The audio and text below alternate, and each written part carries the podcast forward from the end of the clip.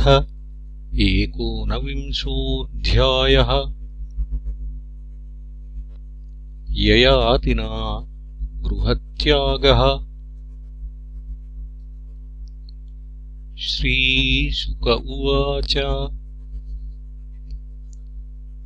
स इत्थमाचरन् कामान् स्त्रैणोपह्नवमात्मनः बुद्ध्वा प्रियायै निर्विण्णो। गाथामेतामगायत। शृणु भार्गव्यमूम् गाथाम् मद्विधाचरिताम् भुवि। धीरायस्यानुशोचन्ति वने ग्रामनिवासिनः।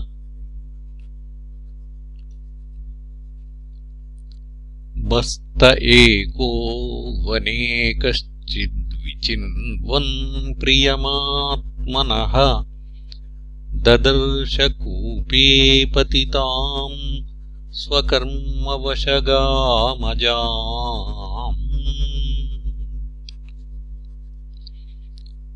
तस्या उद्धरणोपायम् बस्तः कामी विचिन्तयन्। व्यधत्ततीर्थमुद्धृत्य विषाणाग्रेण रोधसी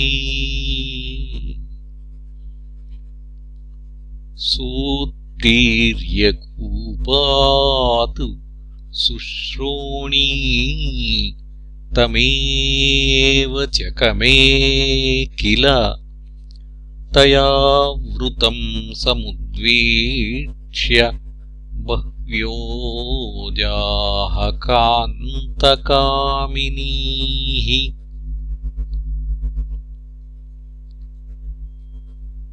पीवानम् श्मश्रुलम् प्रेष्ठम् मीढ्वांसं याभकोविदम् स एकोजवृषस्तासाम् बह्वीनाम् रतिवर्धनः। रेमे कामग्रहग्रस्त आत्मानम् नावबुध्यत। तमेव प्रेष्ठतमया रममाणमजान्यया विलोक्यकूपसंविघ्ना नामृष्यद्बस्तकर्म तत् तम् दुर्हृदम् सुहृद्रूपम् कामिनम् क्षणसौहृदम् इन्द्रियाराममुत्सृज्य स्वामिनम् दुःखिताययौ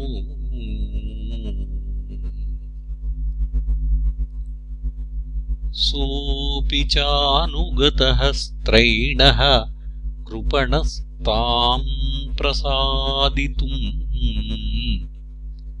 कुर्वन्निडविडाकारम् नाशक् नोतु पथि सन्धितुम्। तस्यास्तत्र द्विजः कश्चिदजा स्वाम्यच्छिददृशा लम्बन्तम् वृषणम् भूयः सन्दधेऽर्थाय योगवित्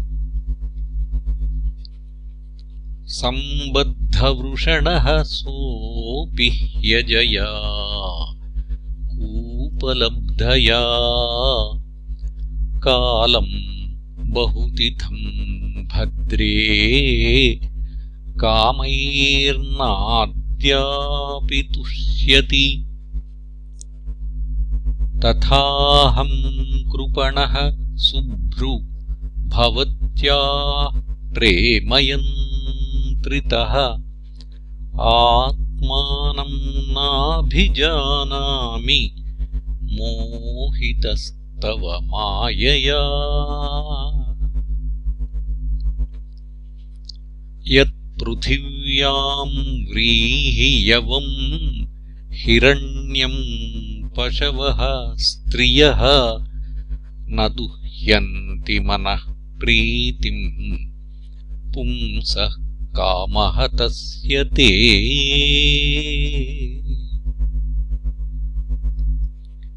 न जातु कामः कामानामुपभोगेन शाम्यति। हविषा कृष्णवर्त्मेव भूय एवाभिवर्धते यदा न कुरुते भावम् सर्वभूतेष्वमङ्गलम्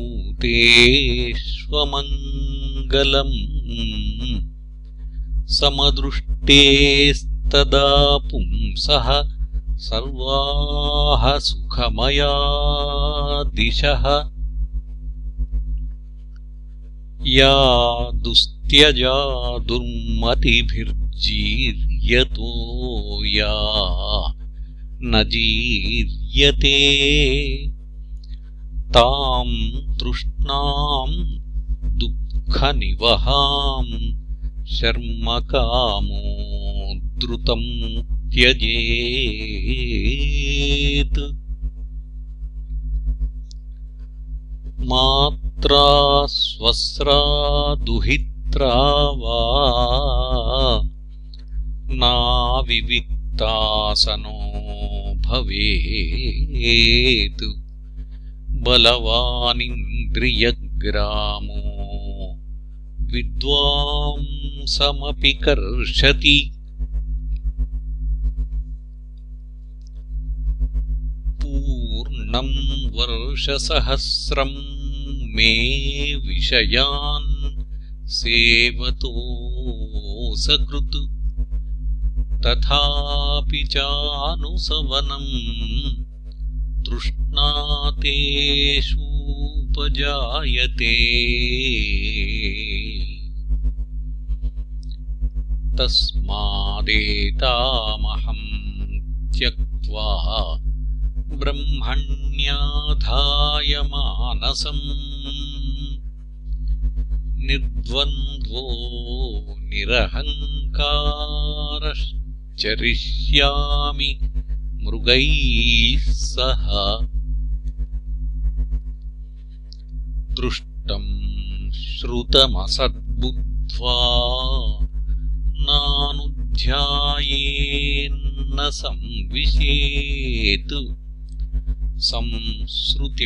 च आत्मनाशम् च तत्र विद्वान् स आत्मदृक्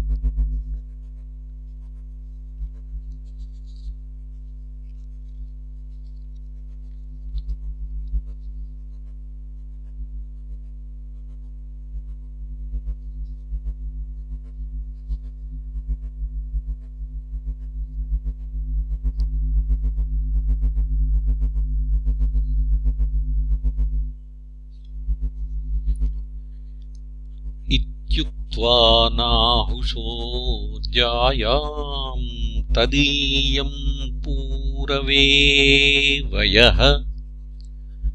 दत्त्वा स्वाम् जरसम् तस्मादाददे विगतस्पृहः।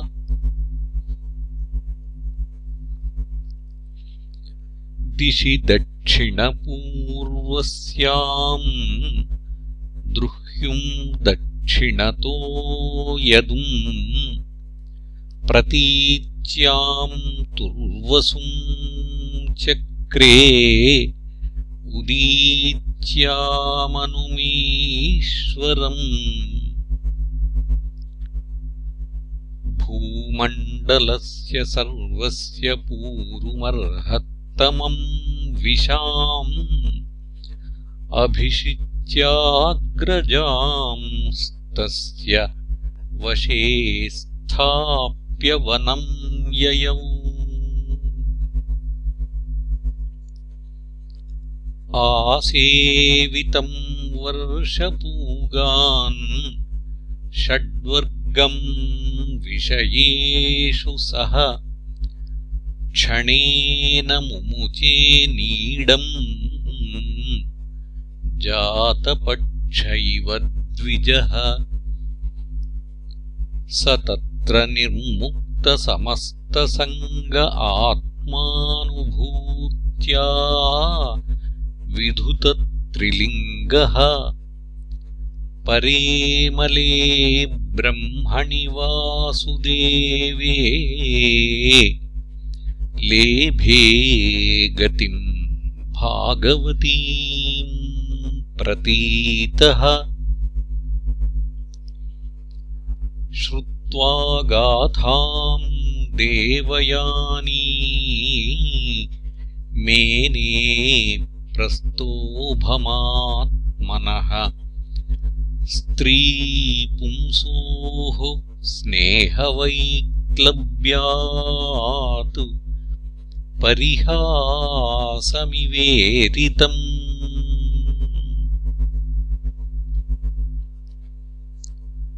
सा सन्निवासम् सुहृदाम् प्रपायामिव गच्छताम् विज्ञायेश्वरतन्त्राणाम् मायाविरचितम् प्रभोः। सर्वत्र सङ्गमुत्सृज्य स्वप्नौपम्येन भार्गवी। कृष्णे मनः समावेश्य व्यधुनोल्लिङ्गमात्मनः नमस्तुभ्यम् भगवते वासुदेवाय वेधसे सर्वभूताधिवासाय शान्ताय बृहते नमः। इति श्रीमद्भागवते महापुराणे पारमहंस्याम् संहितायाम् नवमस्कन्धे एकोनविंशोऽध्यायः